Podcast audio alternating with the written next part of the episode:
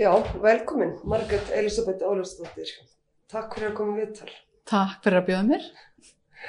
Erum við langat bara að byrja byrjunum svolítið. Mm -hmm. þú ólst upp út á landi. Já, ef það var selfoss er út á landi, já. Ég bjóst við þessi svari. jú, jú, það er náttúrulega út á landi og já. sérstaklega þegar ég var alls stuð. Nákvæmlega. Mm -hmm. Og fer þarna í, um, á laugavatn í mentaskóla. Já, svo var ég mentaskóla laugavatni, mm. já. Það var náttúrulega eða, já, það var fjölbrytarskólinn á Selfossi var bara svona rétt við það að vera stopnaður mm. en hérna, það er ekkert sko lókist samt við það að fara á lögvatt og búið Selfossi endilega sko Nei. það er alveg ég alveg getið farið til Reykjavíkur það var bara fyrir áhrif frá flokkstjórnum mínum í úlningavinnunni sumarið áður sem að hafi verið á lögvatni í hústjórnaskólanum og talaði svo mikið um lögavatn sem að ég sagði já kannski sæki bara um á lögavatni þannig endaði ég þar Segð mér hérna svona lista á menningarlíf eh, hvernig var það á Selfossi og lögavatni? Já sko á Selfossi var alveg að mörguleiti heilmikið hérna lista á menningarlíf en ekki kannski þú veist mynd ekki mjög mikið myndlistalíf myndi ég segja en hérna það var þýrleitunum mikið menningarlíf var mjög öflugt leikfélag Já. og fyrir mig sem badd sem að ólstanna upp þá var öflugt kórastarf kórastarf þú veist ég getur söngi í badnaskólakórnum og kakkfæraskólakórnum sem var mjög góð kór mm -hmm. Og uh, svo var það tónlistaskóli og ég var tónlistaskóla þú veist þannig að hérna það var svona kannski það sem að já, var, þú veist, það var svona það helsta sem alltaf hafa áhrif á mig í rauninni.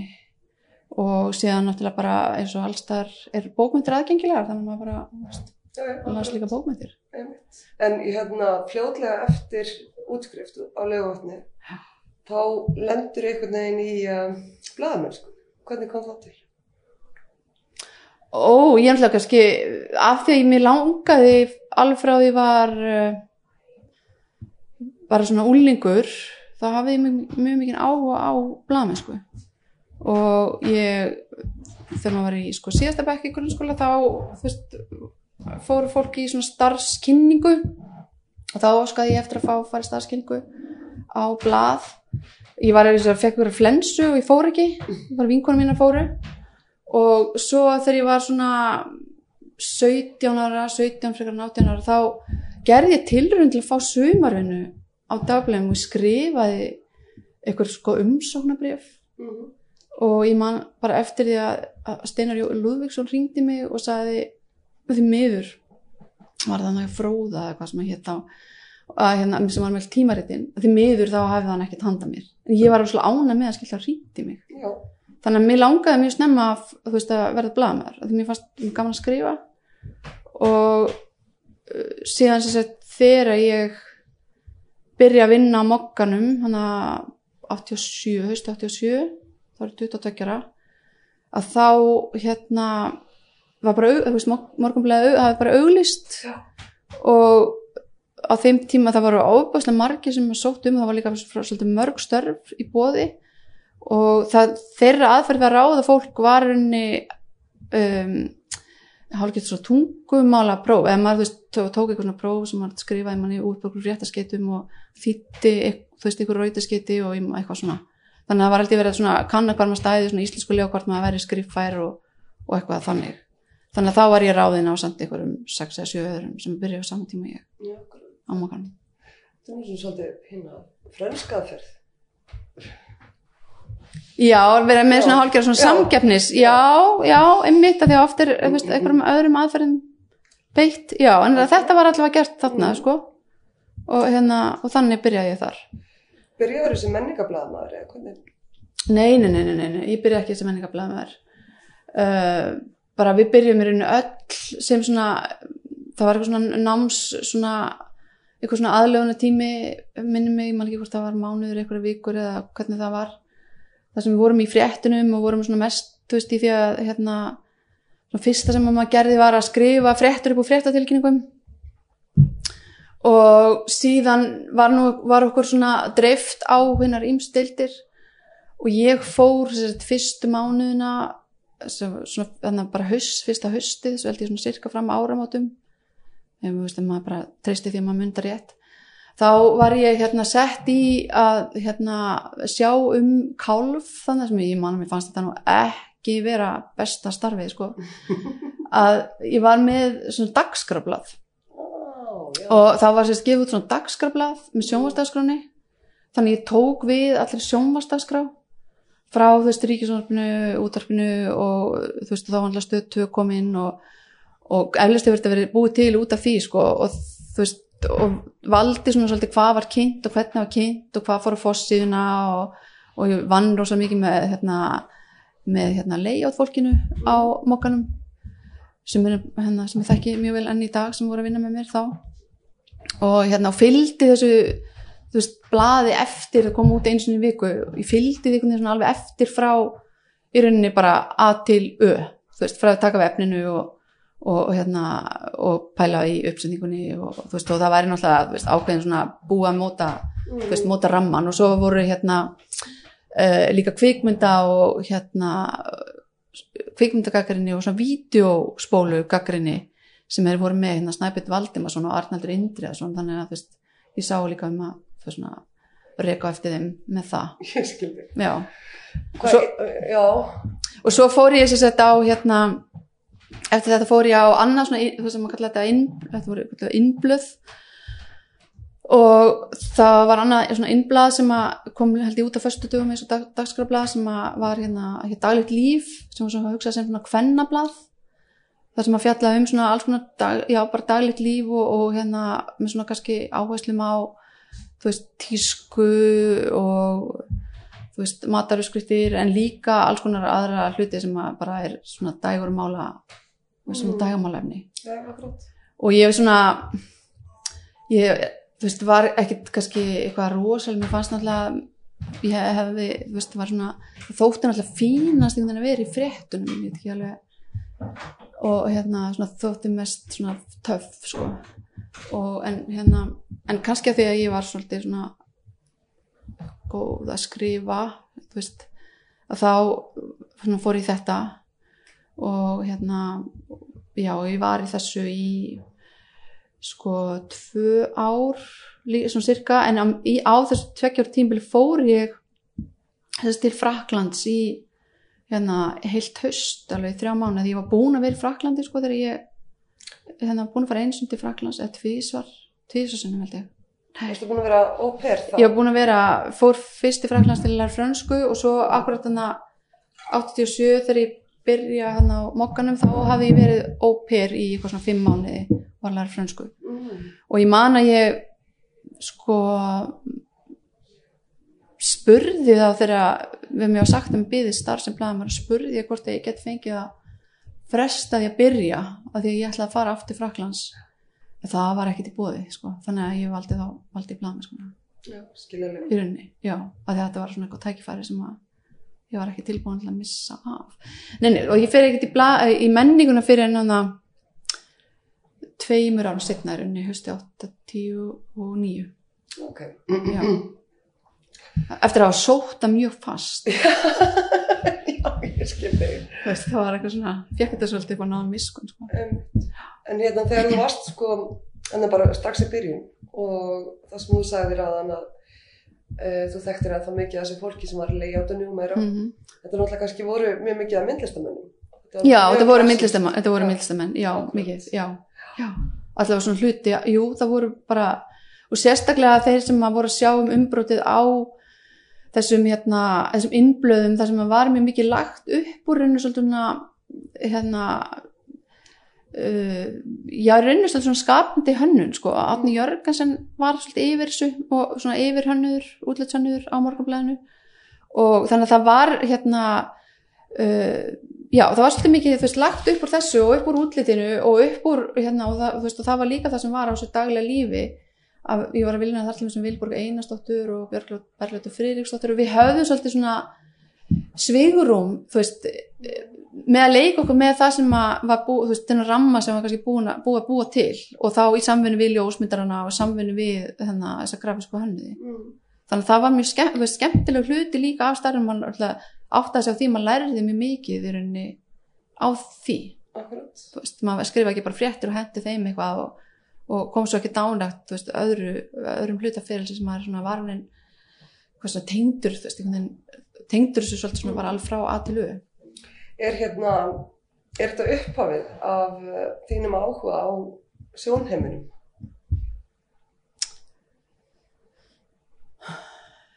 Nei myndur, Nei, myndur, veist, það er alltaf kannski ef maður hugsa um veist, hérna upphafa af ykkur sko, þú veist, það er bara hver, veist, hvað er ég menn ég var eins og allir krakkar þú veist, ég teiknaði mjög mikið þegar ég var krakki. En maður er kannski og eins og við þekkjum og er kannski hérna þegar þannig starfi í dag þar veist, þetta er eitthvað svona þáttur sem hefur ekki verið, er ekki lagður áhersla á í eins og bara í íslensku mentakerfi það var ekki lögð áhersla á Mm. Svona þú veist að þá kannski fekk maður svona rosalega takmarkað hérna svona takmarkað innsýn einhvern veginn í eins og myndlistina og þennan sjónheim miða við hvað maður átti auðveldan aðgang að einhvern eins og kannski bókmöntum og leikúsi segi ég sem svona, þú veist, ég var líka algjör svona leikúsnörd þegar ég var úlingur, ég fór á þú veist, fór alveg ofbáslega mikið leikús og var alltaf alveg upp við fara mikið leikús þú veist, fór alltaf á, alltaf fara með maður á alla barnasýningar í þjóðleikúsinu og þú veist, og svo lefi ég var úlingur og þú veist, hvað farið aðeins að svona stýra því þú veist, að þá, hérna, bara,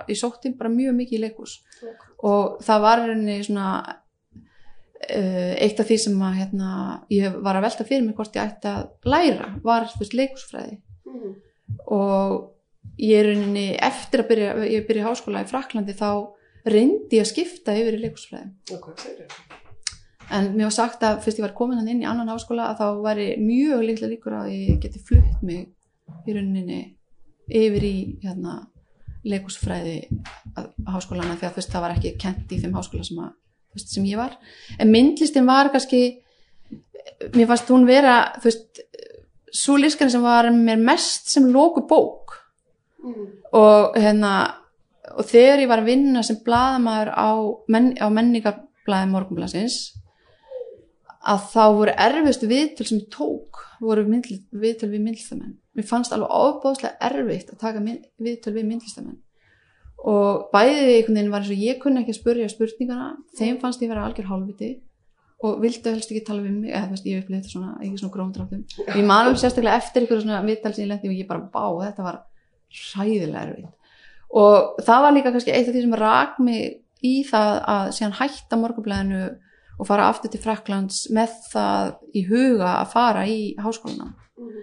af því að fannst þú veist að mér hérna ég var bara ekki með nógu sterkan grunn veist, til að vera almennilegu menningablaðamöður Mm.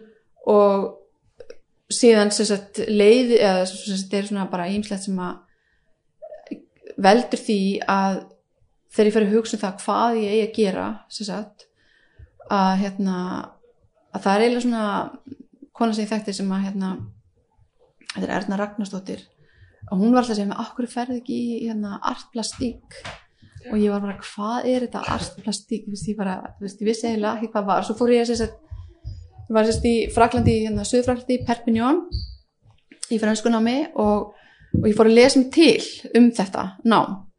Og mér fannst það sérst mjög áhugavert og það var svona mér fannst það vera svona fræðilegt nám um myndlist. Mm. og sem að myndi, veist, myndi höfða miklu betur til mér heldur en veist, listasaga, mér langaði ekki í listasögu. Þú veist, og það kannski var hluta til af því að ég hafði ekkit neitt rosalega mikið áhuga á þú veist eh, st, st, hérna, myndlist endurreisna tíman ég hafði bara áhuga á samtímalist og, og kannski þú veist nútímanum. Veist, áhugin lág veginn alveg þar. Svo af því að þú ert svona, svona draga þetta ekki eitthvað að lengi verið að tala um eitthvað að þá hérna, sem sagt já, svo kannski það sem annað sem hafði áhrif á þetta var þegar ég er í þessu frönskunámi í Fraklandi að þá segir frönskukennari við mig að ég væri ekkert með nógu sterkum grunn til að fara í háskóla. Og þá var ég ennþá að hugsa um hvort ég ætti vel að fara í fjölmjölafræði og ég var náttúrulega hérna, og það var náttúrulega kannski hluta til var, veist, var það já, við ætlum þess ekkert verið í frönsku mentaskóla og ég veist, var ekkert með sterkan hérna, grunn í einhverju þú veist, málfræði og, og, og þessu sko, Mhm. en hérna gætal, sko, gætal hérna, bjarga mér ágætlega bara með því að bladra, en ég hafi frekar þóli með fyrir sko tungumálanáminu. Mér fannst sko tungumálanámið fyrir tungumálanámið. Þú veist, það var heldur eitthvað ekki sem að þú veist, mér fannst, það markmið var alltaf að gera eitthvað með þetta tungumál. Mhm. og þannig að þegar ég, sérst, ég er hérna í Perpignan þá sérst, að, hérna, fer maður í svona indökupróf í háskóla og ég hafði verið að tekið þetta indökupróf áður og ég hafði fallið á því. Bara ég var alltaf bara kunni valla þú veist, frönsku, þú veist, en bara því, þegar ég tók það fyrst það var bara svoleiðis. Og hérna og þannig þegar ég sérst, fer í þetta próf þarna í, í Perpignan þá ákveði ég sérst, að sækja um í þessu arplastík sérst, sem er bara myndlist svo, ja. og sem ég veist að bara já, þetta er bara örgulega rosa snitt fyrir mig, þetta er svona fræðilega myndlist Mhm. einhvern veginn. Og það var í rauninni ekki drangur skilningur sko, en hérna síðan sko, þú veist það hérna kannski í rauninni var hérna hefni og opni að síðan fæ ég sko, ég hef fyrsta val var hérna, hérna Sandin í skólinn í hérna Paris 8 háskólinn. Og ég fæ sérst höfnunabrif frá honum. Og þannig að svo býði ég eftir svar frá hinum skólanum sem var Paris 1 og ég fæ aldrei neitt svar. Ég, þannig ég fór bara út til Fraklands Já. og bara mætti bara hana á skrifstofuna og sagði bara, heyrðu, þú veist, ég sótti hérna um nám og eða byrjaði reyndar á því að fara í skólan sem hafi hafnað mér. Og þessu bara, ef við höfum hafnað þér, þú veist, þá ert ekki, þú veist, þú, þá ert ekki að fara að koma hérna inn, þá verður að fara að tala við, þú veist, þá sendu umsóknin áfram, þú er bara að tala við þá.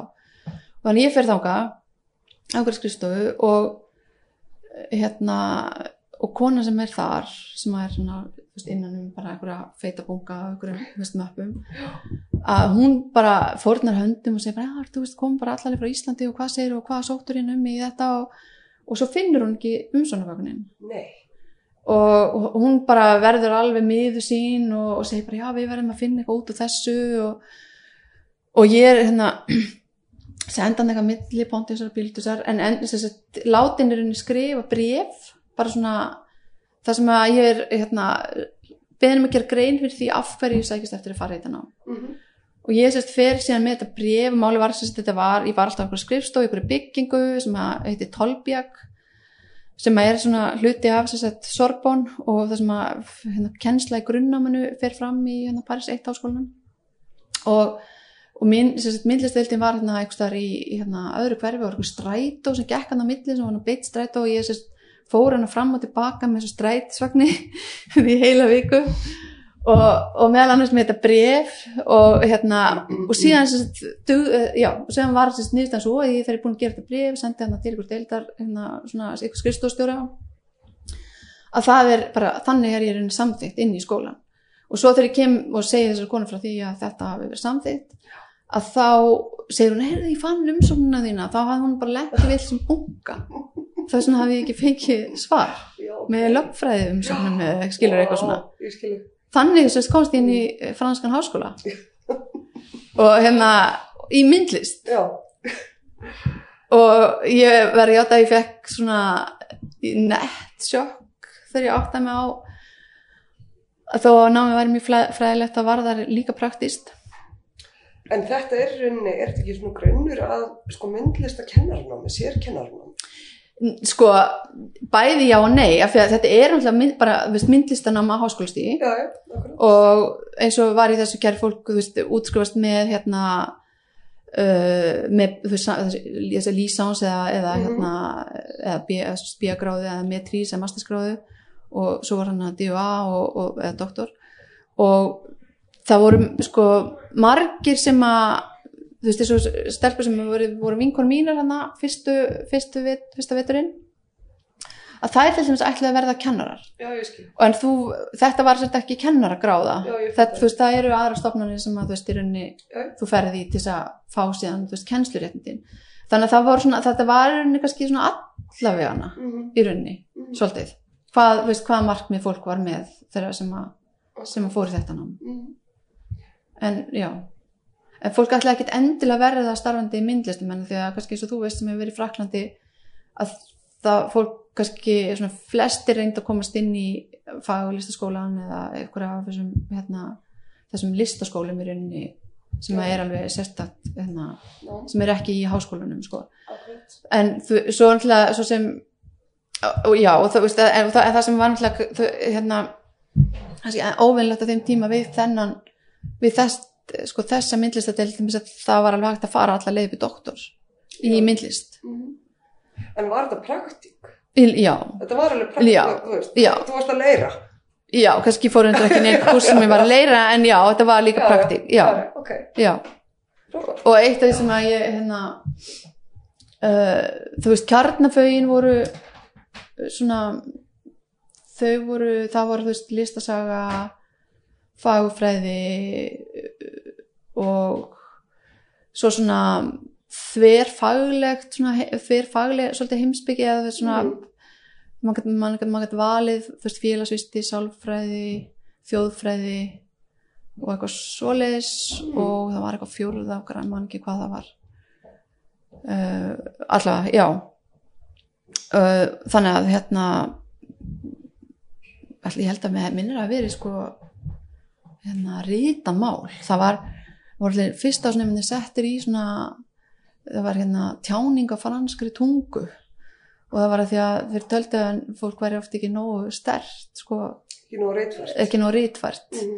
og þetta var erfiðasta námskeið fyrir mig að komast í gegn. Já, já, en, hérna, en máli var sko að hérna, mér fór rosalega mikið fram í frönsku hérna, fyrsta vetur. Já. en svo þess að setja hérna, hérna bæði þú veist sko sá ég mikið alveg fyrir mér þarna fyrir, þú veist að mér fannst vera ómikið praktík þú veist ég bara veginn skildi ekki alltaf alveg hvað þau voru að gera. En hérna en ég var þess að í líka þú veist hérna ljósmyndun. Það var, var rosa skemmtilegt og ég lærði þú veist að framkalla og þú veist það var svona alveg uppálsvæði mitt og svo þennan fyrsta vetur kom verkfall. Það er náttúrulega mjög oft verkfall í franskum Fraklandi og í franskum háskólum. Og það kom hann að stórt verkfall. Og ke- kennslan þú veist, lága eiginlega bara alveg niðri í þú veist, örgulega tvo mánuði eitthvað. Og um eiginlega allan að tíma þá, þú veist, hjekki í þessu myrkraherbyggi og hérna vakti náttúrulega mikla aðdán hérna, hérna þessu ljós, kennarinn mín sem kendi mig ljósmyndun ég var mjög ekki uppfálsnefandi hérna eftir, eftir þetta verkfall. En hérna, já, en ég, þá fór ég líka þess að hérna, því ég var alltaf sinn ykkur blaðmenn sko meðfram þessu námi, þá fór ég hérna fór til Króatíu sko stríðir. Já, en hérna, já, og svo þess að þegar ég er hérna í þessu fyrsta, á þessu fyrsta ári alveg bara ekki að tala um þetta í veist allan dag að þá uppgötið það að í þessari myndlistadeild voru tvær aðra námsbrautir sem annars vegar það var líka að læra hann að kvikmyndun. Og það var að læra hérna, það sem heit listmiðlun eða art and communication. Og ég sagt og já, það er kannski annað í þessu sko, að sko Sorbonn þessi myndlistadeild, hún var áslega illa útbúin fyrir, þú veist, myndlistanám maður, þú veist, það var ekki þannig að maður verið með aðgang að okkur um stúdíóum eða hefði aðstöð í skólanum, maður bara, þú veist, var maður bara með sinna möppu og þú veist, mætti bara með hann í skólan og fór svo bara með hann heim. Já, þú veist, það var ekkert sko en það, ég minna, fyrsta ári voru örugglega, sko 300 nefnendur Já. þú veist, það voru sko, já, eitthvað svo leis og svo sem sem finn ég, finn ég út þannig er eitthvað sem heitir og sem var svona þverfælitt nám og ég bara skrifaði bara dildafosta, myndlista dildarinn bref og baði um að fá að skipta um hérna braut, námslið. Og það var einhvern veginn sko hérna bara eins og ég, ég hef fundið bara námið sem ég hef verið að leita að og vissi ekki var til. Já, ok. Þú veist, vissi ekki hvað það, það var alveg það var alveg þannig. Og en, hérna, en það sem að gerist líka þannig samt í þessu fyrsta á fyrsta ári í myndlistinni var að hérna að ég fjall algjörlega fyrir sko heimsbygginni eða þess að þetta fagufræðinni Mhm. og fannst það bara alveg fannst hún mjög skemmtileg og ég hérna lagði mjög mikið á mig þannig að vorið fyrst þess að ná því prófi þrátt fyrir hérna og þú veist, þannig að ég sagt, svo tekið þetta, þetta listmiðlun í tvö ár til listmiðlun sem var svona þverfælend fá ég uppgötta þar þetta er kemin í þetta nám. Þetta var bara, þú veist, ég var ræðilega hefna að koma, fengið að að vera tekin að inn. Það voru bara 50 nefndu teknir inn. Já, og þú veist, þetta var alveg bara þú veist, indökupróf og valið og, og þú veist, skilur og ég hugsa bara við, var eins og þú veist, ég hef aldrei sko, verið tekin inn í þetta, ég hef bara reynd að komast inn beint, held ég sko. Já, ég held ég hefði að, Já, sko, sem útlendingur og allt það. já, já, ég bara efast bara stórkoslega Mhm. um að ég komist inn í það. En það var alveg, frá, það var alveg frábært nám. Og hérna þú veist, þar bara læri maður allt sko, þú veist, það var alveg bara myndlist, listasaga, fagfræði heimsbyggi, þú veist, og hérna uh, bóðskiptafræði lögfræði, fjölmjölafræði upplýsingatekni það var bara, það var, það var, það var bara mjög flott hvernig það var hugsað. Já. en síðan, hérna og það var í rauninni samt svona sko, þriðja ári var eiginlega hérna, hérna svona verkefnastjórnun Mhm. og þetta var eiginlega, miðað að því að fara í verk- verkefnastjórnun en eftir sérst diplómanami þá sæki um að, að það var þetta sérst fara í fagfræði á þriðja ári. Og var ekkert í bóði á fyrsta ári og þá þurfti ég sem að koma úr þessari listmiðlun að taka indugupróf og ég mælti eftir því að, að ég uppgötaði það að ég hefði bara getað þau sótt um að komast áfram í þessa verkefnastjórnun Mm. og ég hefði ekkert gert það að því mér langaði í hitt. Og svo aftur ég maður um haustið sko ef ég myndi falla á þessi induguprófi þá stóð ég bara upp með ekki neitt. En ég náði því. Guðsum. Og, ég var, og það var algjört Guðsilof því að það voru bara svona félag mínu sem hefði líka eitthvað sótt um þetta þau komst ekki inn þannig að hérna ég bara right. Þú bara átt að komast að þetta. ég Þetta var bara öðrum veginn Já, þú var bara svona. alltaf þú verið ákváða. já já, eitthvað svo er- ég bara segjum það Það er náttúrulega þannig. sko. það var alltaf, ég ætla að rétt marði þetta Akkurat. En hérna, þannig að fransku, franskan eiginlega fór allt fram á þessum fyrstu árum mínum hana í háskólanum. Já. En hérna, hvað tókaði svona, ster- hvernig, akkur tókaði Frakland svona stertið? Oh my god. Það, þú veist, eitt af var útilokunaræðferð, mér langaði ekki til Norrlandana. Mér langaði, á þessum tíma langaði mig ekkert til Þýskalands. Og það var náttúrulega dýrt að fara til Bretlands. Eða þannig að einhverju leiti var það svona útilokunaræðferð. En svo var bara eitthvað við, þú veist, ég hafði lesið eitthvað franska bókmyndir og það var eitthvað svona sem tókaði í mann samt við Frakland og maður fannst það að vera spennandi. Og svo var vinkona mín úr hérna, framhættskólum á Laugatni sem hafi fór til Fraklands og var búin að vera þar hann bara strax eftir, stúdispróf og hérna hún var að skrifa mér eitthvað bref og svona þú veist þannig að það var náttúrulega hjálpaði mjög mikið til upp að kveikja þennan áhuga og, og, líka kannski hugmyndum að þetta væri veist, mögulegt þú veist að fara. Mm. en þegar ég fór fyrst skipti þá sko kunni ég ekki orð í fransku, ekki orð. Þannig að þetta var svolítið svona ströggl þú veist að læra tungumálið í rauninni. Rósin erfitt. já, og hérna og ég man að þú veist, þessi kennari minn sem að kendi mér hann að fagfræði sko fyrsta árið hann í háskólanum þegar ég eitthvað rakst á hann eitthvað einu tömur og setna og hann horfið bara á mig og sagði, á, er þú ennþá hér? veist, ég sagði, já, þetta segir nú allt um það hvað ég var stökt í fransku veistu já, en ég náði nú sem námskeinar sko, ég Já. stannum að við ekki kannski þótt mikið til koma, ég veit það ekki En þú náttúrulega, ég meina, þú verð, þú aðlagast alveg gífilega vel að fransku samfélagi og eh, svona alveg, hérna sko, út á götu þá ertu eins og hinnir. Já, ég veit, ég er reynda sko þannig að í þessu hérna, listmiðlun og námi þá, já, það, það, þú veist, það var bara eitthvað þar sem passaði mér eitthvað rosalega vel Mm. og hérna og já, ég, þú veist, ég fekk alveg stundum alveg komment á það sko að hérna. Hvað ég átti eitthvað frekar auðvelt með þetta, eitthvað, þú veist, einhvern hátt að hluta til allavega sund, allavega sund kannski ekki allt. Já. Ég meina, þú lítur út í rauninni eins og fransk konu. Nei, það gerir ég nú, það. það ekki. Mér finnst það alveg. Kannski sé ég það bara. Kannski Já, sé ég bara nei, nei, þakka nei, þér. Já, nei, ég nú ekki segja þessu fransk og ef ég hef ekkert sem að gert þá ger ég það ekki lengur minn, við skulum Já. hægt að ræða þetta Já, ég held að Þetta er hérna en mér langar að halda áfram þessari braut sko. hérna, en þú ferð sér satt áfram síðan Já, sko, ég, veist, ætlaði ekkert í eitthvað langskólanám. Það var nú Mm. kannski líka einhvern veginn eitt, sko, uppalega ætlaði ég bara kannski að klára þetta og ég var ekkert með einhverjum hámarkmiðum að ég ætlaði að vera þarna eitthvað ofsalega lengi. Svo, þú veist, þegar ég búið með þetta, þú veist, að þá náttúrulega svona var, veist, á- kom kveiknaður áhugi, veist, á að komast áfram og þú veist, Mm. og því að maður komast áfram í það, þá fór ég áfram í það og ég var kannski, þú veist, þá lendi ég reyndar aftur í verkfalli og hérna hérna, hvað, já, haust, fyrst, fyrsta hausti mitt í, þú veist, tínámi, Mm. rosalega stóru hérna, einhverju, hérna, einhverju lestarverkfalli og kennarinn sem ég var búin að leiðbynandi sem ég var búin að skrá með hann vektist og þú veist, var með krabba minn og bara hrundi niður og ég þurfti að finna mér annan, þú veist, kennara. Þannig að að fó- var svona ein önn svona sem fór svolítið í súgin Já.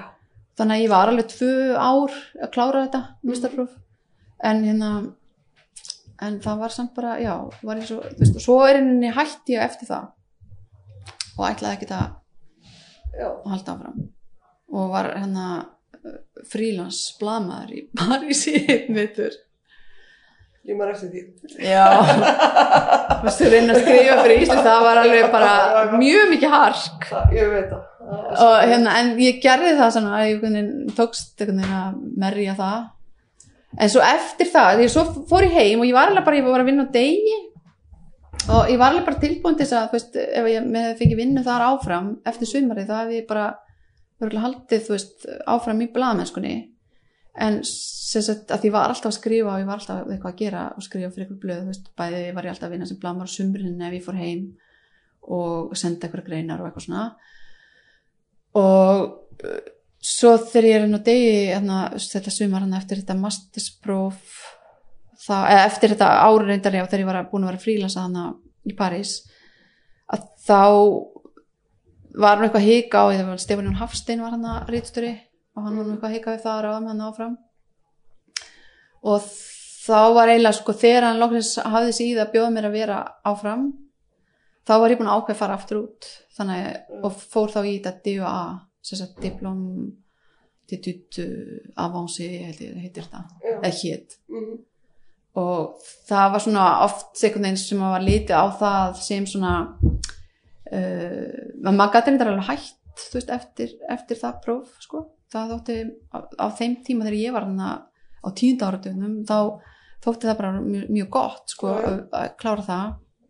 En ég fór samt svolítið inn í það inn í það nám sagt, með það í huga að sagt, fjalla þann, um þannig efni sem ég myndi geta haldið áfram með inn í doktorsnám.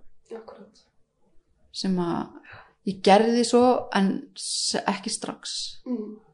sagt, ég, ég er að skráði mig en gerði raunin ekkert með það fyrir svo tveimur að þreimur á setna En maka, hérna, hvenar eh, sko, svona fókusir, byrjar að fókusir rannsóknunar á stafræna í myndlist? það var eiginlega í þessu DUA námi Já. þessu, hérna, Einmitt.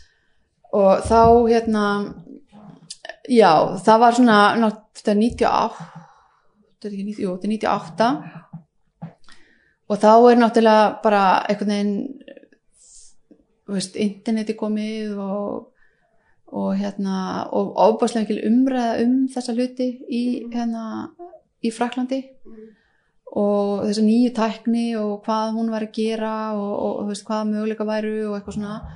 Og hérna þannig að það mjög svona fekk svona vinsalega ábendingum það að þetta getur verið svolítið sniðut að þú veist fara þannig inn. Og ég fer henni inn þú veist sæki um í það og með þessi áform. Svo uppgöta ég það sagt, þegar ég er þannig þannig vetur að þetta grunnnám sem ég hafi verið í þannig þessi listmiðlun að ég var með bara var með rosalega góðan grunn. Mm. þú veist, til þess að taka, veist, takast á við það. Og veist, það sem ég hafi verið að gera bara í grunnnáminu eins og læra bóðskiptafræði, læra mál, málvísindi læra hérna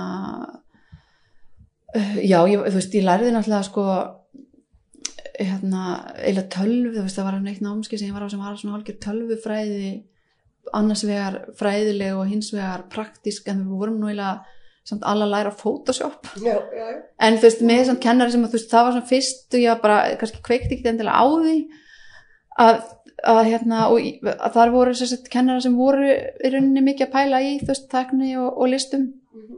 og ég hafði, og svo líka var hafði ég verið ásólis námskeið þannig að fyrsta árið sem ég var í fagfræðinni og þá hafði ég til mér farið á okkur sýningu sem að mér þótti náttúrulega mjög sér, sérstök og skrítin en þú veist sem var, það hafi verið 90 og hvernig er það að verið 96 kannski, 7 nei, fyrr, 95, 6 eða fyrr.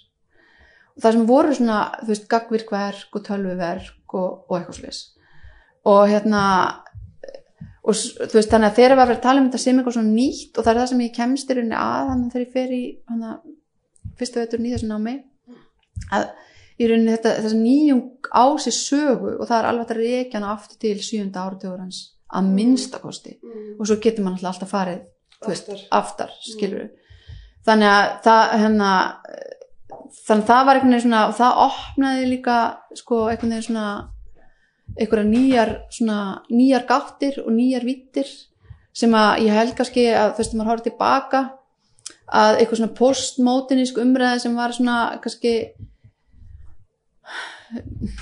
náði kannski sumuleiti kannski ekki alveg já, svona öðruvísi allavega að í, þú veist, það sem ég var í Sorbonn heldur en var á Íslandi veginn á þeim tíma. Ég allavega tengdi heldur alveg þú veist, við það og en þetta fannst mér allt inni sko, þú veist, það var bara svona okkur sprenging þú veist, allt inni bara fann maður eitthvað sem að ég, veist, ég tengdi einhvern veginn við. Það kannski, kannski var það bara blaðmaðurinn í mér eða eitthvað.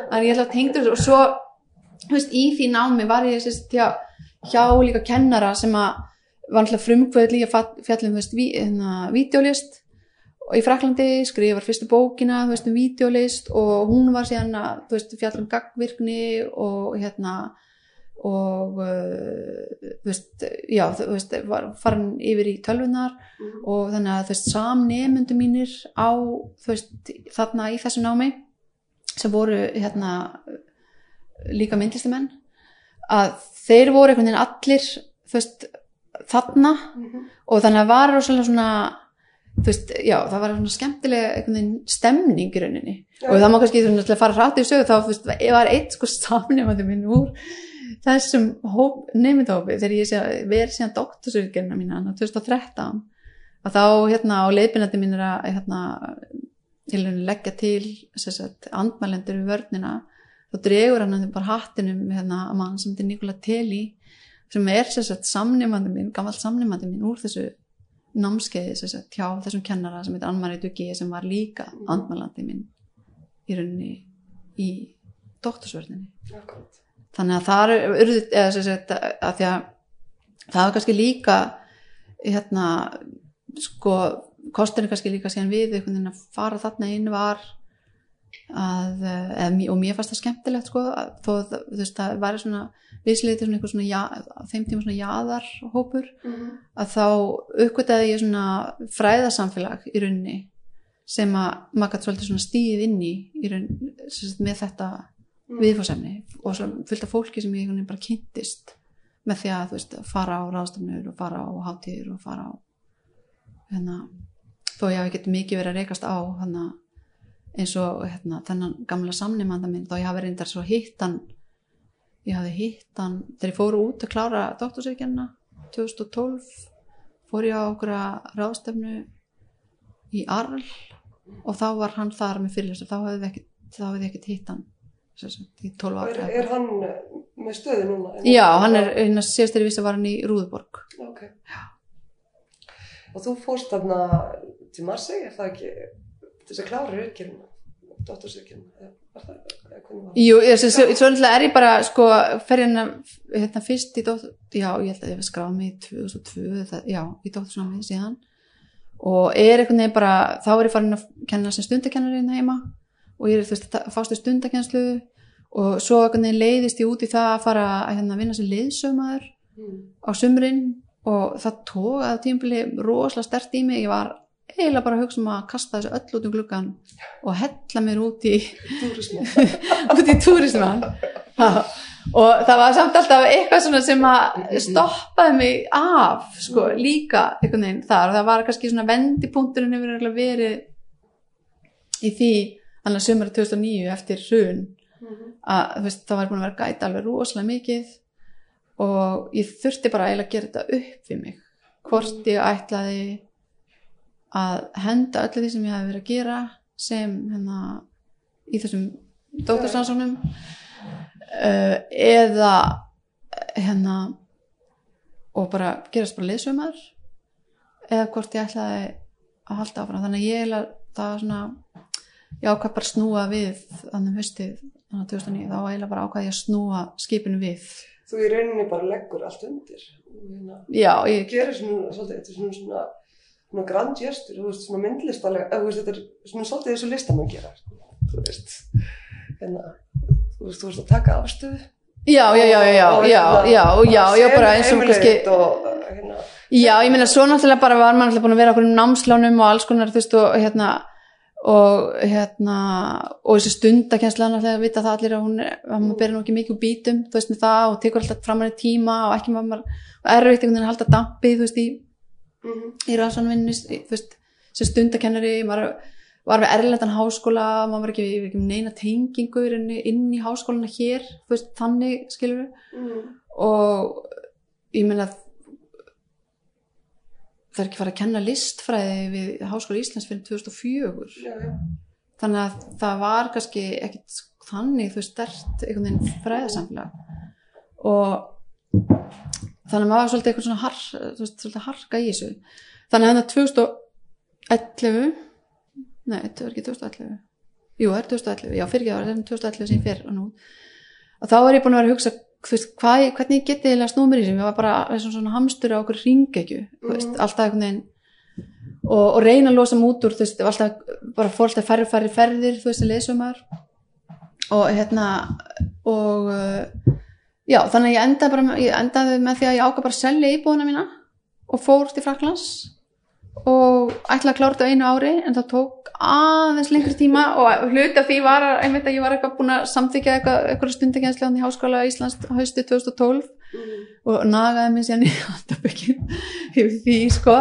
Þannig ég rétt náðu að skila rítgerðin inn á það hvað rétt fyrir jól þegar, nei, jú, rétt fyrir jólin eða ég að, man ekki, ég held að það var alveg rétt fyrir jólin eða rétt eftir áramótin 2000, þannig 2000 áramót, já, 2012-13 og svo bara þegar ég var að hérna, það var sambandið leipinandan og hann sagði bara ok, þú veist það er bara hérna, rosalega erfitt að komast að með varnir hérna, ef við gerum þetta ekki svo, bara fletti hann í dagatalinu sko, hann er mjög hérna, önnumkæmi maður og með alltaf mikið nefndum og sagði bara, heyrðu, það er hér er gat hérna 20. og eitthvað, þú veist, í februar og ef við gerum þetta ekki þarna þá getur þú þurft að býða skilur ár. bara um ár eða eitthvað. Þannig að við bara, ok.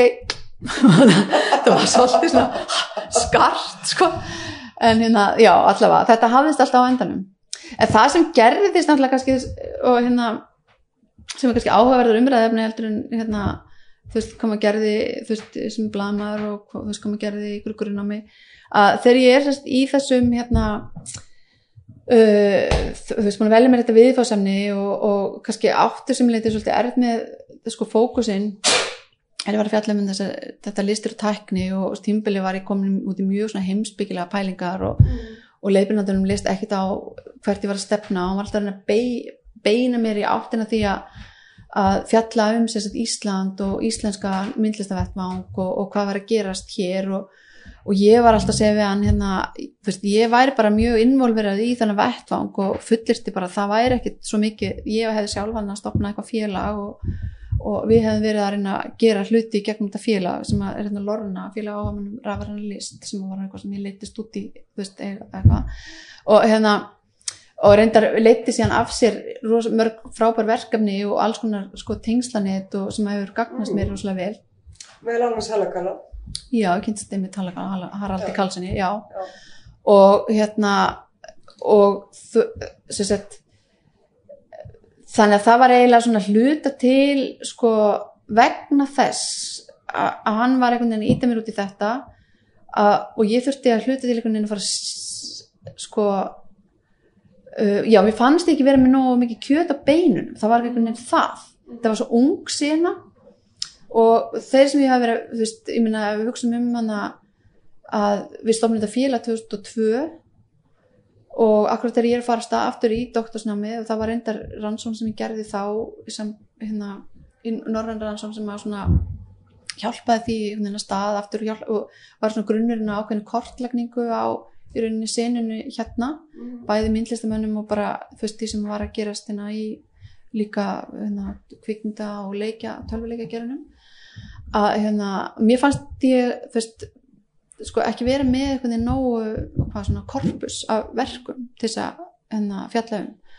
Og þá fór ég einhvern veginn að því að vídjóið er svona hluti af þessari sögu eitthvað lit þó að það sé í rauninni samt líka sjálfstæðsaga og tengist kannski ekki alveg beint inn í tölvulistunar að þá fór ég svolítið að fókusera á vídeoið og síðan einhvern veginn sko þróast þetta þannig að að ég þurfti bara reynlega sko að útskýra fyrir þessu leifnanda hérna Ísland. Mhm. og, og aðstæður á Íslandi. Og ég held bara þegar þú situr út í Fraklandi og reyndar þessi leiðbeinandi minn sko leiðbeini nemyndum sem koma allstar að úr heiminum sem koma frá Asíu, Östur-Evrópu Suður-Ameríku. Þannig að hann vissi ekkert um Ísland hann, en var mjög forvitin um að fá að vita meira. Þannig að hann svona þjarmaði mjög að mér og þá fór ég fyrsta skipti að hugsa um Ísland og íslenska myndlistasinu út frá því sem að svona fleiri hafa fjallað, Æsa Sigurjónsdóttir hefur svolítið fjallað um þetta líka út frá svona eh, nýlendu hérna, Mm. síðnýlendu kenningum Mhm. af því að, og fór einhvern veginn að sína fram á það, bara eins og við þekkjum hérna í sögunni hér, þú veist hvernig bara þetta sem að var reyndar sko spurning sem að hérna fór alltaf rosalega töðun á mér þegar ég kom á mig þetta, þessi svona narratífa sem gekk út í það að segja að saga íslenskar myndlistar hefði hafist árið 1900 með þú veist síningu Þorhansby Þorláfssonar Mhm. og mér fannst þetta bara einhvern veginn ekki ganga upp Nei. en ég myndi svona stuttumáli segja núna að það, það er náttúrulega upp af nútímalistar Mhm. og það er náttúrulega kannski svolítið langt mál að fara út í það síðan sko hvers vegna ekki var litið á myndlist fyrir tíma sem þú veist, Myndlist. myndlist og bara það er eitthvað svona stutta útgáfana fyrir sögu er kannski svo að hún passar ekki inn í hérna uh, hvað maður að segja þessa evrósku þróun sem er verður með hérna akademíunum í Róm bara þú veist og á Ítalíu í kjálfar enduristnarinnar Mhm. og, hérna, og akademíunar sem að síðan breyðast út um Evrópu og verða til hérna, akademíu sem er stopnuð í Kaupmannhöfn sem sko, ef að hugsa um sko, Frakland þá er hún stopnuð hvað, 1780, nei, 1684 og 17. aldi í Fraklandi Mhm. en ekki fyrir undir lok 18. aldar í Kaupmannhöfn og en fyrstu íslensku listamenninni sem að hérna, stunda nám þar veist, finna sér engan farveg fyrir þá myndlist í Mhm. rauninni á Íslandi Nei, nei. og, og náttúrulega það sem að sko og, og, já, og mér fannst áhugavert að horfa á Ísland sem sko að þegar mann deila um þetta hvort þeir skilgarinn Ísland sem þú veist nýlendu ekki en ef maður horfir á, á Ísland út frá þessu menningalega sjónamiði og út frá stöðu til dæmis akademíunar og, og þessar listakademíu þá hérna, hverfist hún náttúrulega í kringum hérna, konungsveldið og kongin og, þú veist, og það ríki sem að, þú veist, er í kringum það. Og náttúrulega ég var alltaf búin að stúdira þetta mjög mikið og ég fekk hérna, þegar maður er búin að vera lengi í Fraklandi og stú, stúdira myndlist og fagfræði og sögu myndlistar í hérna, Fraklandi og sögu, sögu nútímalistar þá var ég á tímbilið ofsalega upptekinn af því sem gerðist í Fraklandi á 19. öldinni þar sem er rauninni þegar að vera að tala um að akadéminni sé, þú veist, kollvarpað að þá er náttúrulega, þú veist, hangir það svolítið saman við, þú veist, að konungsveldinu er kollvarpað Mhm. og um leið er ákveðin kerfi kollvarpað og það lifir að hluta til áfram inn í 19. öldina en svo endanum er því kollvarpað og þú veist, og það er náttúrulega hérna uh, sem sagt, uh, hvað maður að segja hérna já, þú veist, þetta gerist náttúrulega með, já, hérna með, hérna með uh, náttúrulega impressionistunum því sem við þekkjum. En þetta hefur svo endanum áhrif á hérna á mentakerfið og ef að þú veist, þú varst að spurja mig um hérna þess að myndlistadeild í Sorbonne þar sem að ég hérna lærði að þá er hún í rauninni og það er kannski hérna hún er líka afræstur ákveðnar uppreisnar, það er að segja þessar byltingar, bara, veist, Já, já. ef maður lítur á byltingunum 68 þá er sérst, komið svona annað tímabil í fransku mentakerfi og meðal annars í faglistaskólanum Mm. sem að mönnum finnst vera stöðnun Mm. og, og, hérna, og menn vilja sagt, bylta því og breyta því og þessi hérna, myndlistadeild í hérna, Sorbonne alveg eins og hérna, skólinn sem ég sótti um sem ég komst ekki inn í sem er hérna, sprettur upp úr sandin í skólinum Mm. sem er svona byltingaskóli er henni mót, veist, verður bara til upp úr því að menn eru reynilega að mótmæla því sem er í gangi í kerfinu Já. að myndlistadeildin Sorbonne er rauninni mótmæli við fagulistaskólan og þá hefð sem að var þar Mm. þannig að fyrstu árin er hérna, er það mjög sem sagt, rótæk hérna, rótæk deild og mín kennarar sem að spruttu allir upp úr þessu voru mjög undrandi á þessari ungu kynslu franskra nefnda sem að kemur hana, sem ég, voru samnefndu mínir hana upp á 1990 sem að bara vilja, sem eru ekkert byltingakendir í hugsun heldur vilja bara fá sitt próf til að komast út af vinnumarkaðin af því að þá er náttúrulega komin þessi umræð um þá er náttúrulega bæði þú veist, hérna, tvent sem að gerist kannski já, ok, franska samíkinu, þú veist, er það bæði er verið að, kemur hérna mittir án búin að vera fórsetið hann í tíu ár hann er einhvern veginn að íta öllum í stúdinspróf og það er að fjölga árgangum í háskólunum og á sama tíma er verið að hérna vaksandi atvinnleysi í ungu fólki. Þú veist, þannig að það, þetta er svona veist, e, þannig að það var eitthvað landslag sem var að breytast þegar, hérna, þegar ég kem í nám í Fraklandi Mm. og þannig að þú veist, þess, þú svo kynslu var ekki þá að fara að bylta neina, hún bara var að fara að sækja sér próf, hún ætlaði bara að fá vinn það var svolítið svoleiðis. Og þetta, þetta, þessi braut sem ég fór hann mitt á, þessi hérna, listmiðlun sem að hétt svo verkefnastjórnun á þriði og fjórið ári Mm. það var einmitt svona hugsað sem svona praktískt nám fyrir þá sem ætlaði að vinna í menningagerinu Já. og ég vissi alveg að fyrstu svona árganganir sem útskrifist úr því í námi það bara var fólk sem fekk bara allt vinnu Já. það var alveg bara hugsað til þess að fólk fengi vinnu Já, Þú veist, og bara ekki í myndlist að þetta veri líka þú veist í öðrum skilur þú veist Mhm. leikúsi eða við ykkur tónlistrátir eða bara þú veist, hvað sem var fólk, hver sem fólk hafi mestan áhuga á í rauninni Mm.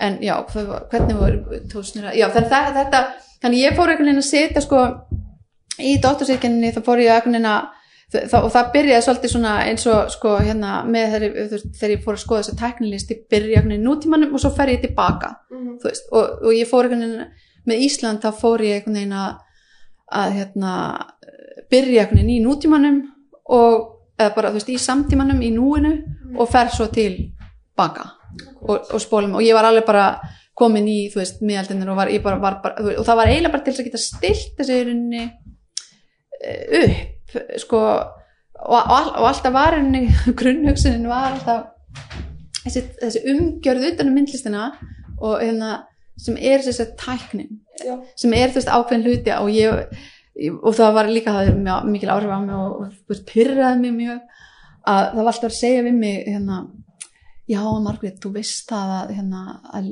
myndlist er ekki tækni og veist, þetta trublaði mig alveg og ég vissi það alveg, skilur Mhm. en hún verður ekki til án Nei, hennar nei, nei. og, hérna, og, og, og, svo er það spurningin sko, þú veist, náttúrulega þegar maður segir tækni og það sem ég var náttúrulega að fjalla um sko, hérna, þarna sagt, með ný, nýju tæknina eins og frakkan þau tölu alltaf um nýju tæknina þá var náttúrulega alltaf verið að tala um veist, upplýsingatæknina og stafrænutæknina og hverju breytir hún og hérna, breytir hún einhverju og hverju breytir hún þá? Og, þú veist, og það var náttúrulega mikið verið að horfa á að hún væri í grundvallar atriðum í rauninni bara, veist, öðruvísi heldur en Mhm. eldri tækni og þá kannski sérstaklega annars vegar hérna handverkið og hins vegar véltæknin. Mhm. þú veist, ég alveg bara sökti mér sér sett Já, sökti mér hún þetta. Og hérna, hvert er hver, er niðurstaðan? Breytir hún einhverju? já, en svo náttúrulega sko með því að fara að fjalla um hérna íslenska, veist, íslenska myndlistamenn og, og kannski og einstök verk Mm þá hérna fór svona fókusin kannski meira yfir á það en já, sko uh, eitt af því sem hún sko hvað maður að segja sko þeir, þeir náttúrulega sko fyrstu árunum á, þú veist, þegar fólk er að fást við stakni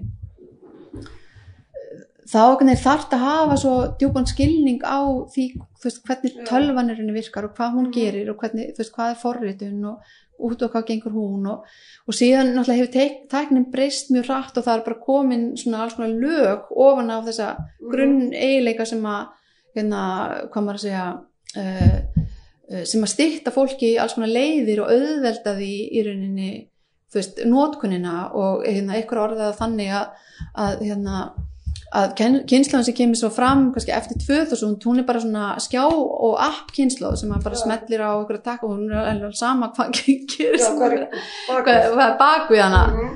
og hérna, þannig að þetta er alveg þú veist, síðan ein umræða sko Já, já. Í rauninni.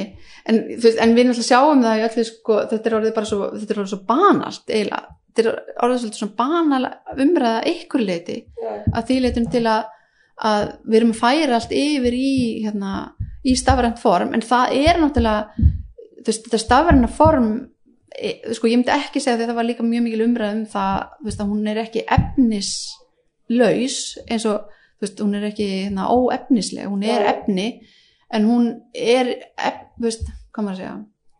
Hún er alltaf öðru, hún er alltaf öðru hún er alltaf öðru formi. Þú veist, af því að þú þarft og það er líka náttúrulega önnunur umræði kringu það, að þú þarft eins og við erum hérna, hún þarf búnað, mhm. hún þarf hérna hérna þennan mikrofón og hún þarf sem myndavél og síðan tekur hún upp og, þú veist, og hún gei, veist, það er allt geimt á einhverjum flögum eða í einhverjum, bara eins og við hugsanum okkar eru geimtar í heilanum. Mhm.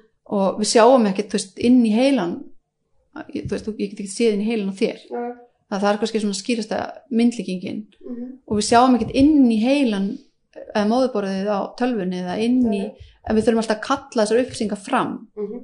og við, þú veist, og köllum þar fram með því að nota og það var líka þú veist, hérna þegar fólk var að fjást við svo gaggvirk, gaggvirk verk og þá þarf þetta að hugsa um, þú veist, hvernig setur fram hvernig ætlar að kalla upplýsingarna fram hvað Mhm. viðmót ætlar að hafa og hérna já, þannig að sko verkið er í rauninni það sem er inn í heilanum eða inn í hausnum Já, já, og svo er það í rauninni Kalla fram. kalla fram. En á sama tíma, sko, þú veist, það bara, ég, ég persónulega hef þá svona afstöði Mhm. að hérna, hverja einasti tími komið með nýja tækni mhm, sem að hérna er ákveðin, sko, alltaf bylting í sjálfu sér og hugsunin við að nota nýja tækni, hver sem hún er, mhm, að hún muni alltaf uh, bæta ofan á myndlistasöguna og, en á sama tíma þá er þetta veist, nú er ég bara að hugsa um til dæmis bara þegar ljósmyndir voru mhm, einhvern veginn teknar þú veist, inn í myndlistar, Mhm. heim myndlistarinnar. Mhm, þú veist það er náttúrulega þú veist, þetta er allt önnu tekni en hefur verið notið áður myndlistarið sko. Það er náttúrulega gífurleg bylting. Þú veist, ég er bara einhvern veginn munurinn á því og þegar stafræni með, meðlar koma inn ég, ég hérna einhvern veginn þetta er bara tekni sem að hérna, þú þarfst að vera rosalega góður í á sínum tíma. Þegar þú varst frumkvöð Ég, sko. sko minna þetta kallar alveg fram sko hérna annan framsetningamáta sem að þú veist sem að sko hvað maður að segja þegar svona hlutir alltaf koma fram fyrst þá bara vakna þessar spurningar er, veist, er þetta list og hvernig já, er þetta list? Það var líka þannig við ljósmyndun. Já, já, já, ég segi það, já, já, og þú veist og, og hver er stað kvikmyndana Já. og, og svo náttúrulega kannski hérna, það sem að uh, eins og með ljósmyndinar að, þú veist, ljósmyndamiðlin og, og þú veist, tæknin og því sem að hún miðlar ljósmyndir eru notaðar í mörgum tilgangi. Já, og náttúrulega tölvunar eru líka notaðar í mörgum ólíkum tilgangi. Þannig að það er ekkert engamál þú veist, þetta er ekki bara einhver tæki og tól sem eru tæki og tól myndlistamanna. Mhm, eins og kannski, þú veist, málarpenslar þú veist, það er kannski ekki annar að nota þessar málarpenslar sem að myndlistamenn voru að nota heldur en þeir sem voru að nota málar mhm. þú veist, það er kannski, þú veist, ykkur breyting sem að, hérna, þar til Mhm. dæmis. Og, og hérna já, og líka náttúrulega kannski þessi breytinga að hérna, að eða þú ert með þú veist, efni sem að er í rauninni uh, ekki myndin sjálf ef maður hugsa út af myndlistinu heldur upplýsingar um myndina Já. það sem er geimt í heila tölvunar Mhm. þú veist, ef maður hérna, hugsar þannig Já. að þá er það náttúrulega á annars konar formi heldur en þú veist, hérna málverk sem er hlutur eða, mynd, eða, eða ljósmynd sem er prentu út til dæmis. Mynd, eða, já, náttúrulega í dagur eru veist alltaf ljósmyndir orðna stafrænar kvikmyndataknin er stafræn uh, videotaknin er stafræn þannig að, það- veist, þannig að þetta er rauninni taknin sem hefur yfir tekið allt. Algjörlega. hljóðið eru stafrænt. Akkurat.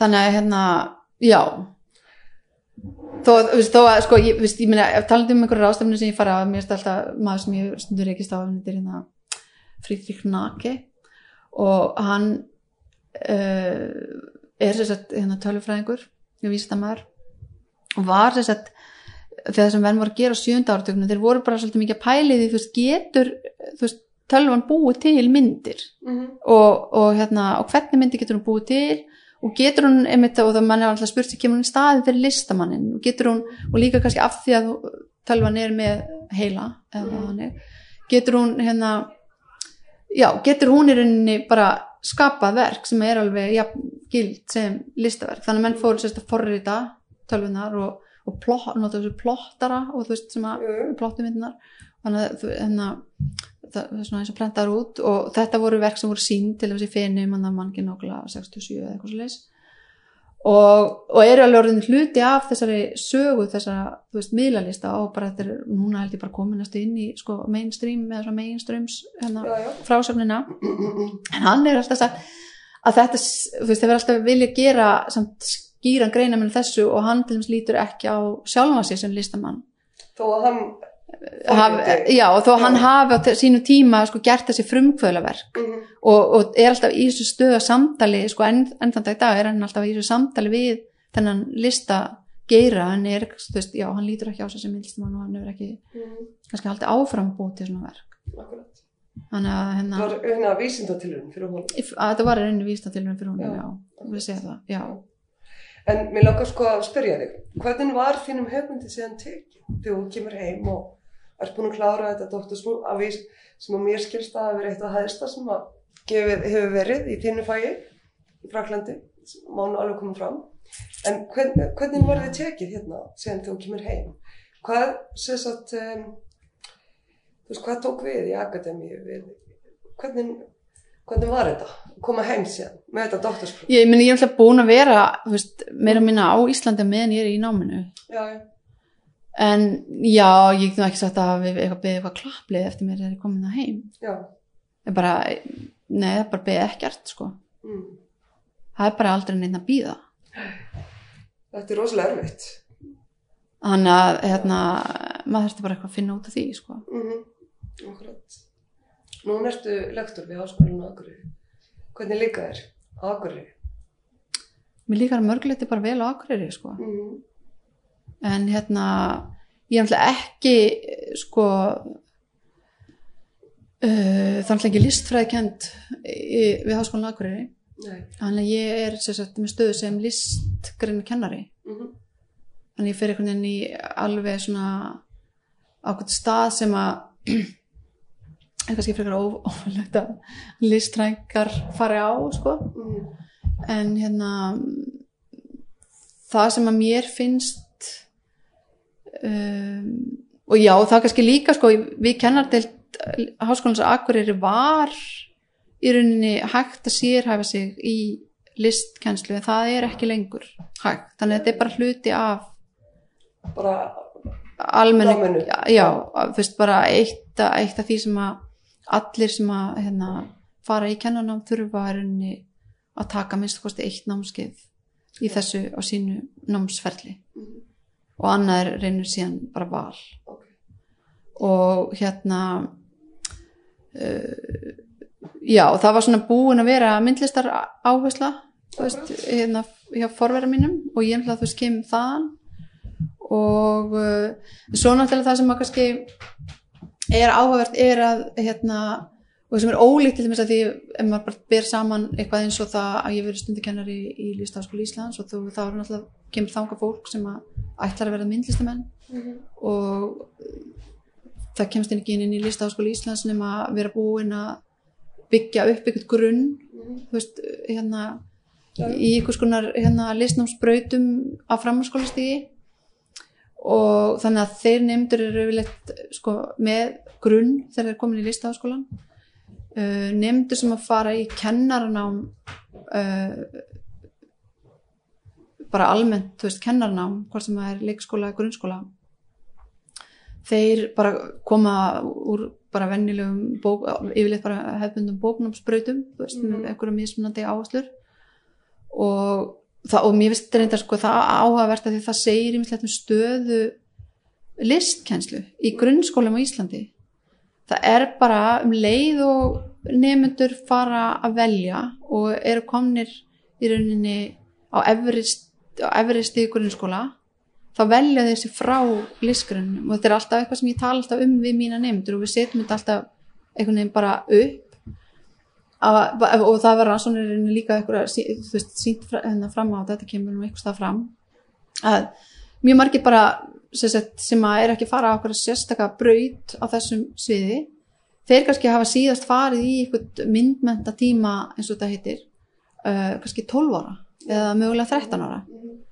Og, og þeir þurfa, þá þurfa er rauninni bara að byrja þar veist, þegar þeir koma inn í kennarnámið Já.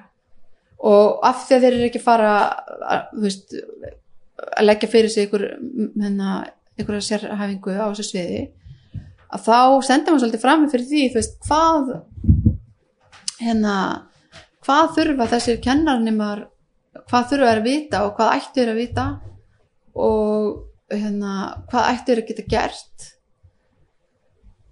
um, sem kennarar og, eða þú veist, já með þennan, þú veist, hvað getum við gert með þennan bakgrunn og hvað er unni, hvað getum við bóðum upp á sem að hjálpar þeim síðan þegar þeir sjálfur veist, fara út á vettvangin sem kennarar? Og þetta er dálítið mikil áskorun sko, Trúi af því að hérna uh, af því að þú veist sko, ég myndi segja líka já, því að svo þegar maður kemur úr listfræðinum sem að, það sem að hérna bæði náttúrulega þetta heimsbyggin og en sagan í rauninu, veist, ég er rauninu þegar ég, ég sagðist ekki að vilja fara í sko listasögunám, ég enda samt náttúrulega svolítið mikið í svolítið mikið til sagfræði, þú veist, þegar ég fer að grúska í alls konar svona sögulegum hlutum sem er náttúrulega líka ákveðin svona grunnur. Og sama er rauninni ef þú að, ert að vinna með í rauninni þú veist, ykkur kennaranema í praktísku myndlistanámi þú gerir ekkert mikið með þeim ef þeir hafa þú veist ekki, þú veist, ef þeir hafa engan svona sögulegan grunn sem að hægt er að vísa í. Þannig að það þarf í rauninni líka sko að hérna, vinni því. Og svo er annað sem að maður náttúrulega reykur sig á sem ég held að, að þú veist, þá vekur einmitt upp spurningar um hlutverk og stöðu þessara, þessara faggreina innan metakerfisins er þú veist spurningin sem að þau spurja mig og þau hérna, er bara af hverju erum við að þessu? Og þú veist til hvers erum við að læra þetta? Og, og þurfum við eitthvað á þess að halda og ég, hérna, þá getur maður náttúrulega bara víst til þess að sem bara almenni kennari þá sér nú ekki verra að hafa einhverju hugmynd um um hvað þessar listir snúast hvort sem þau eftir að kenna sjálf eða ekki. Og síðan hitt að hérna að þá snýr maður sér svolítið að listkenslu fræðunum og að því að þar er henni kannski eru svolítið svör við þessum spurningum, bara menn sem hafa verið bara að skoða þetta og að að þetta er svona ein- eitt af þessum, faggreinum sem að er ekki prófið á okkur písaprófum og, og hérna og lendir þessuna svolítið út á, út á kantinum. Og hérna og er ekki hávar kannski í umræðinni þó að það sé verið að tala um að fólk vilji veist, efla listir og nýsköpun það sé alltaf spyrt saman og ég held að reynda sér þetta pínulítið hættulegt af því að þá veist, lenda listinar alltaf svona aðeins út í, veist, út í aðrinum en hérna uh, en sko já þannig að þá getur maður í rauninni farið í kenningar mann eins og Elliot Eisner sem að í rauninni bara hefur einmitt verið í þessar stöðu. Hverju erum við að veist, kenna þessar greinar? Og menn bara kortleikja það og segja veist, það er bara þetta og þetta og þetta og þetta sem að mynd, það sem myndlistinn í rauninni og listin að gera fyrir börn. Og þegar maður sjálfur náttúrulega kemur úr þessu fæi og veit að, veist, að, að veist, sköpun er bara mikilvæg fyrir börn. Þau læra mjög mikið í gegnum alls konar skapandi starf og, veist, og skapandi leik og, og allt þetta að þá hugsa maður bara vá, þetta er bara fáranlegt skilur þetta ætti að vera miklu stærri þáttur í rauninni í þroskaferðli barna. Að, og í námi barna því að það er svo mikið sem að er hægt að læra og hægt að skinja og upplifa og átta sig á í gegnum listinar heldur en bara listinar sjálfur af því að ef að veist, þá maður skoði ekki neitt annað heldur en bara lista söguna að hérna, þá er hún bara svo nátengd bara annari sögu hún er svo tengd uh, pólitískri sögu og í dag er hún sko, ef maður horfður að myndi samtímans þá er hún bara að fjalla um málefni samtímans Mhm. Þetta er náttúrulega tungumál líka. og, það, sem, já, og sem er sett fram á ákveðin ákveðin hátt og, Akkurat. og, það, og það er eitt af því sem ég hefur svona, ég er svona aðeins svona leita í það, það er smiðjur að, að, hérna, að bara fá, þú veist, og tala náttúrulega um þú veist, að þegar þú veist að fást við sjónarna miður þá er bara, þetta bara að læra að horfa Mhm. og, hérna, og vinna með eitthvað svona algjörða grunn hérna, eitthvað grunn þætti í rauninni Já. eins og bara tekníku og liti og, og eitthvað svolis náttúrulega voðalega óþægilegt sko að hérna þetta tungumál sem er bara sjónræni heimur, Já. hvernig hann er settur fram já, ef þú hefur ekki aðgang af því tungumáli og, og, og lifa í þeim Já, meina, og það er náttúrulega bara, ef þú hugsar um Nei. hérna hvað, sko, ég meina nú hefur verið börn sett fyrir framann, hérna YouTube teiknumyndir, þú veist hvað kvolpasveitina og eitthvað skilur sem þau horfa á og hérna að horfa á þetta sko er ekki farin að tala þar þau eru farin að, þú veist, horfa á myndmál Akkurat. og að, og þú veist, og þetta er einhvern veginn allstæður kringu þau Mm. og það er auðvitað bara farlegt að það skulle ekki vera lögð einhvern veginn meiri áhersla á það að gera þau laus, hérna, læs á það Mm. og ég tala nú ekki um þú veist eitthvað svona eins og bara náttúrulega auglýsingar og, Mm. og annað slíkt Akkurat. sem að, hérna, sem að hluti af þessu runni líka sko. En þetta er eitthvað svona menning kannski líka hérna á Íslandi sagt við erum ekki hérna með uh, okkar samfélag leggur ekki mikla áherslu á myndlist. Það er, við lítum á okkur sem bókmynd og þjóð og það er svolítið þannig. ég meina, þú veist, ef maður horfir einmitt á þess að hérna, myndlist, myndlist sögu þá hérna uh, sko hérna, þá eiga bækunar og bókmyndinar miklu sterkar rætur Já. og maður getur alveg, ef, ef maður tekur hérna, tölvu líkinguna sko hinum í frá að þá eru og upp, þú veist, maður hugsa um upplýsingar Mhm. Að þá eru sko upplýsingarna sem bæði tónlist og, og bókmyndir geima þar eru miklu sko hérna léttari he- heldur en myndirnar Mm. og þú veist, þegar maður að fyrir að skoða þetta í, veist, í, út frá þeim fræðum þá, þú veist, ma- maður veit þannig að þú veist, maður skrifa texta það þarf ekki mikið, það þarf ekki stór hérna, stórt minni í tölvunni til þess að hérna, skrifa einhverja skáldsögu Já. þú, þú veist, það, það, það þarf ekki mikið minni Mm. Og þú þarft heldur ekkit eins og rosalega mikið minni fyrir tónlistina af þess vegna var tónlistina miklu fyrir orðin til þess rafran heldur en myndin Mm. og það sem að hérna, þú ert að skoða með hérna uh, þeim fyrir að skoða sest, hérna, myndvinnsluna í tölvunni í rauninni, hérna í kringum eftir 19, þú veist, 1980-90 og veist, þessi þróun gerist all, alveg rosalega hægt þar þangar til að allt inn tölvunar fara að verða starri og þar fara að ráða í rauninni við þetta myndvinnslu efni og maður getur alveg sagt að þó að sé ekki, veist, sam, veist það ekki sambarlegt en það er samt að veist, það er einhvern veginn hvað maður að segja uh, það meiri fyrirferð alltaf í því sem maður er kringum myndlistina og mynd hérna, Þetta er ótrúlega áhugavert. Ég hef aldrei hugsað um þetta svona en hérna, takk fyrir að benda mér á það. já, ég meina hérna já, þú veist, ég kannski hef ekki alveg heldur svo sem orðið þetta svona á en það, þú veist hérna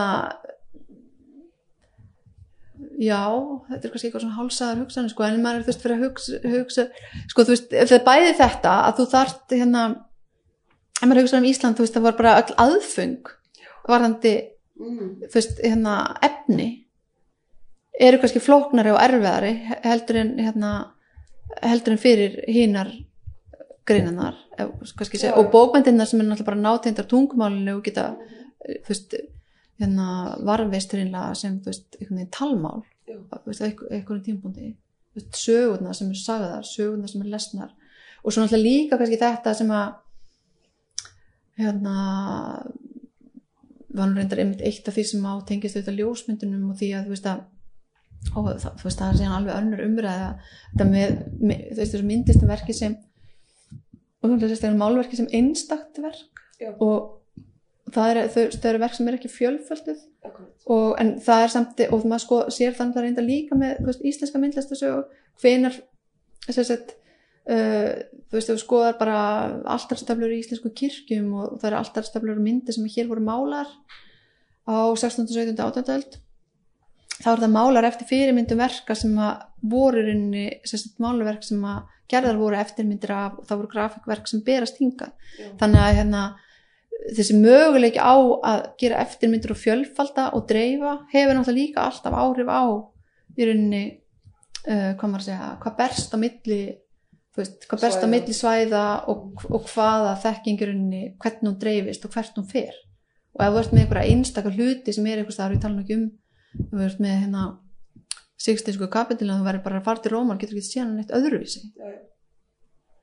Að þá hérna alltaf berast það er fréttir seint og illa ef maður, hugsa um Já, eitthvað já, svona já, út frá já, áhrifum og eitthvað svo Akkurat, einmitt. fyrir utan náttúrulega að hérna, þú ert ekki, þú veist, náttúrulega sagamyndlistar og byggingalistar sem er náttúrulega mjög sterk líka samhangandi hérna á endurrestinni, menn ef þú ert ekki með hús þá ert ekki með myndir Akkurat. eða eitthvað nefn Já, já, já, já, já, já. komin út á okkur hálabrautina en, en já, þú veist, það Já, bara ramminn, sko, já. já, ég meina, þú veist, já Mhm. Og þú veist, og ef þú ert ekki þú, já, þú getur kannski fengið, þú veist, penn og blek en þú veist, ef þú ætlar að fara að mála mynd hérna á Íslandi, þú veist, 18. og 19. öld og þú, fegst, ekki aðföngin, þá Einmitt, getur lítið gert akkurat. og svo náttúrulega þetta með, þú veist, kostnaðin Jú, jú. Já, sjálfsög, já. að hérna, það þarf ykkur alltaf að hafa áhuga á að, að kosta hlutina, Já, nákvæmlega. Kosta að kaupa annarkvæmt kosta að kaupa Um, Margrét, núna, uh, nú, nú, ert nýbúin að vera uh, að stjórna sem, sýningarstjóri bæði hjá okkur, Liststofnir Reykjanesbæjar, mm -hmm. með Halla Kalla, Mhm. sagt, se- setja upp með honum sýningu. Og síðan varstu uh, nýbúin að gera mjög skemmtilegt verkefni með hérna Artsýn, Mm -hmm. sem er í tengslum við um, útkomu bókar, sem Mhm. þú átt kapli Mm -hmm. um uh, hvað, stafræna list á Íslandi þá. Mhm. Og hvað, hérna, svo bók, hvað heitir hún eftir? Hvernig? Digital Dynamics in Nordic Contemporary Art Þetta er rosa útgáfa. Já, þetta er eiginlega bók sem að hérna, sem að rítstýrunni heitir Tanja Toft Ak. Mm og hérna hún ég komst fyrst í kynni við hana í rauninni þegar hérna gegnum verkefni sem að uh, það, hérna hún stýrði þegar hún var sjálf í doktorsnámi heldur hún að vera fjallum list í ofnbyrju rými. -hmm. Og hún vann þá síningu í samstarfi við safn í, í hérna New York sem heitir Streamy Museum og er henni safn í ofnbyrju rými. Kona sem heitir hérna Nina Colosi sem að eh, hérna reyku það. Það er sagt ekki neinn bygging sko, það er bara, hún er bara í ofnbyrju rými. Og Tanja kemst sagt, í samband við hana og skipilegur hana þessa stóru síningu Nordic Out- Outbreak sem að var sem síðan í rauninni með sem sagt svo bauð hún í rauninni sýningastjórum frá öllum Norðurlöndunum til þess að rauninni velja inn verk frá hverju Norðurlöndi fyrir sig. Og Birta Guðjónsdóttir var sýningastjóri yfir íslenska hlutanum. Mhm. og síðan í tengslu við þessa sýningu var hérna til ráðstefnu í Scandinavian House í New York. Og eða, já, það var bara svona heil dagur og það var einnig tengslu við það sem að Birta hefur sambandi mig og byggðum mig um að flytja fyrirlestur um íslenska um, já, íslenska Já. vídeolisturinni uh, á þessum hérna, á þessar ráðstefnu og þetta voru henni bæði erindi og hérna bæði fræðimenn og listamenn og minnir að veri líka verið umræður Mhm. í rauninni og síðan stóð alltaf til held ég að sko gefið þetta einhvern veginn út. En síðan lendir Tanja í einhverjum áföllum eða þessu senkar og svo hún ætla bara klára sitt doktorsnám og, og verkefni breytist. Og það líður svona þetta er þess að 2013 og það líður svona smá tíma að hún hefur sambandið mig. Og þá var hún búin að aðeins bara breyta, þá var þetta ekki endilega lengur tengt þessu Nordic Outbreak. Mhm.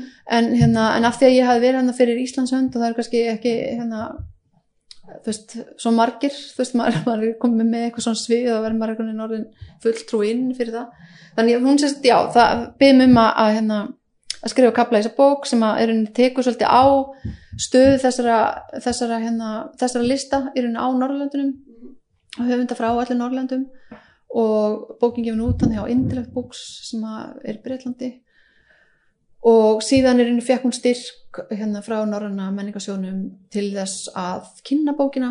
Og bókin kom út fyrir ári síðan.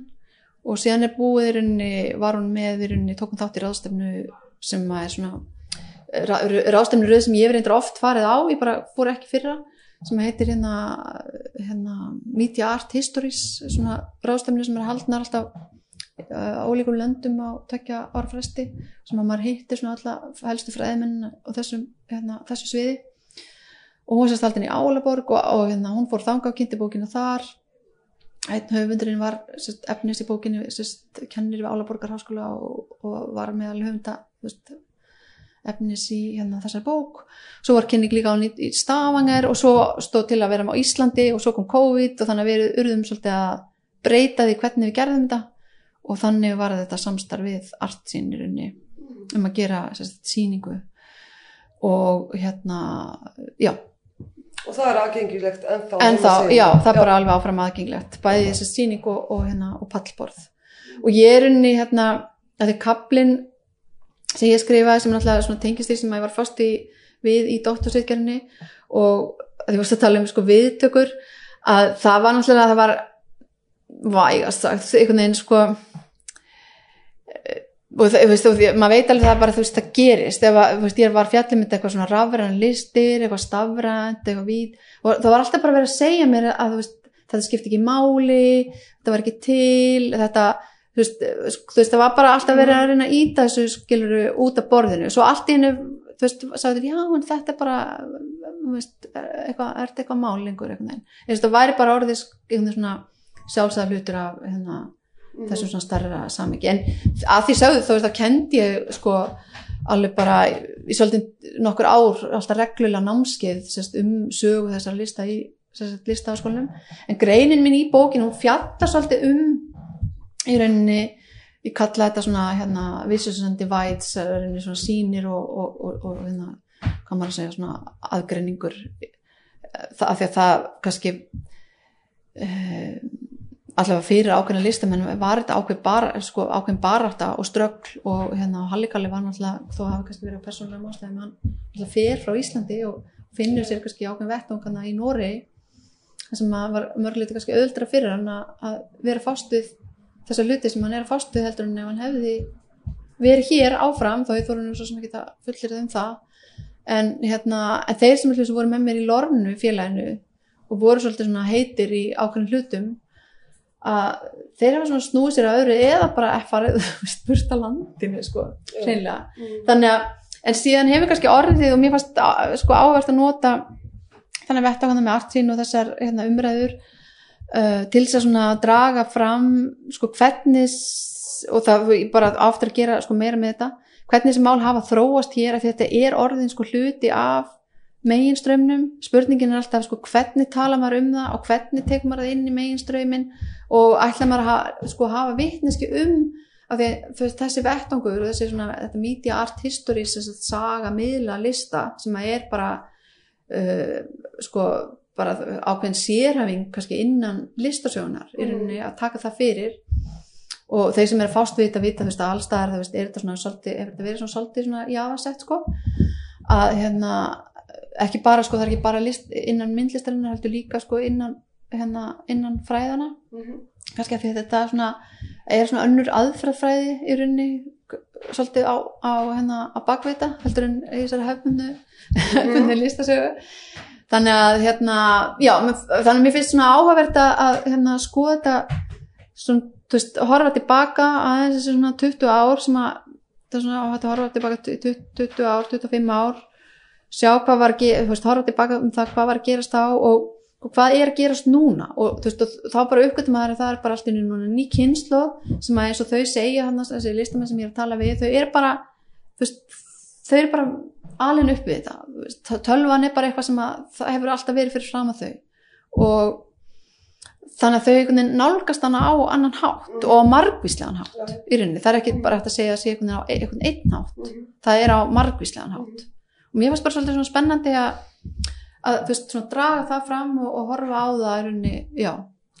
Og, og sjálf kannski svona að, að hérna að því að maður þú veist sluti af því sem var erfitt í doktorsnáminni var að ég var svo nátengd ykkur svona senu ykkur pínlítið senu á Íslandi það stundum var erfitt að, að draga sig út og vera í þessu stöð þessa fræðimann sem á að horfa svolítið á hlutina Mhm. meira utanfrá og það er náttúrulega líka kannski, veist, það sem að þeir sem er að fást við það, það bara er að fást við samtíman vita það allir fræðimenn sem er að fást við samtíman að það er oft mjög erfitt að fást við samtíman af því að maður er ekki með fjarlæð.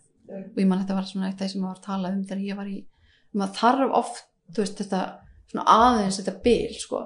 En það er alltaf líka augrandi að reyna að fást við það sem er akkurat að gerast í samtímanum og þú veist, það er alltaf hröðun á öllu, alltaf að tala um það. Þannig að það þú veist, alltaf líka þessi krafa um að það sé, það sé hægt. Og maður verður þá líka alltaf verið tilbúin til þess að endurskoða í rauninni, það sem maður sagði fyrir 5 árum eða 10 árum, að þú veist, maður fær aðra sín á það 10 árum setna, 20 árum setna heldur en að maður hafði þú veist, fyrir 20 árum eða fyrir 10 árum Já, eðlilega. já, þannig þróun líka þarna. sko. já, já, og líka þú veist, önnur þekking sem verður til og maður þú veist, já, það sem aðrir hafa verið að gera og það bætist við og, og hérna þannig að, já Ok. Ég hérna að hætta hérna mm en takk kærlega fyrir að segja okkur frá aðeins hvað er þetta fórst um okkar. Hérna, ég er bara gífilega þakklátt og um, á sama tíma náttúrulega hveti ég alla til þess að koma að segja síningunars Haralds Kaldssonar. já, það tekir undir. Hún er alltaf, hérna bara mjög flott, sko. Algjörlega. hérna, bara að því að við náttúrulega vorum hann saman í þessu lórunu félagi fyrir átján ár sér og hérna og svo svona misti ég svolítið af honum hann að tímbili sko. Að, þannig að mér finnst bara frábært að sjá á hvað stað hann er Hann núna. Er, já, hann er líka bara svo öflugur fram, og hann framleiði svo mikið. Ég Já, opna já. ekki Facebook að þessu veldum sem neitt verkeftil. Í rauninni. já, ég skil, já, já, já, einmitt já, hann er yfin Já, rosalega já, einmitt frábært. já, takk fyrir. já takk sem les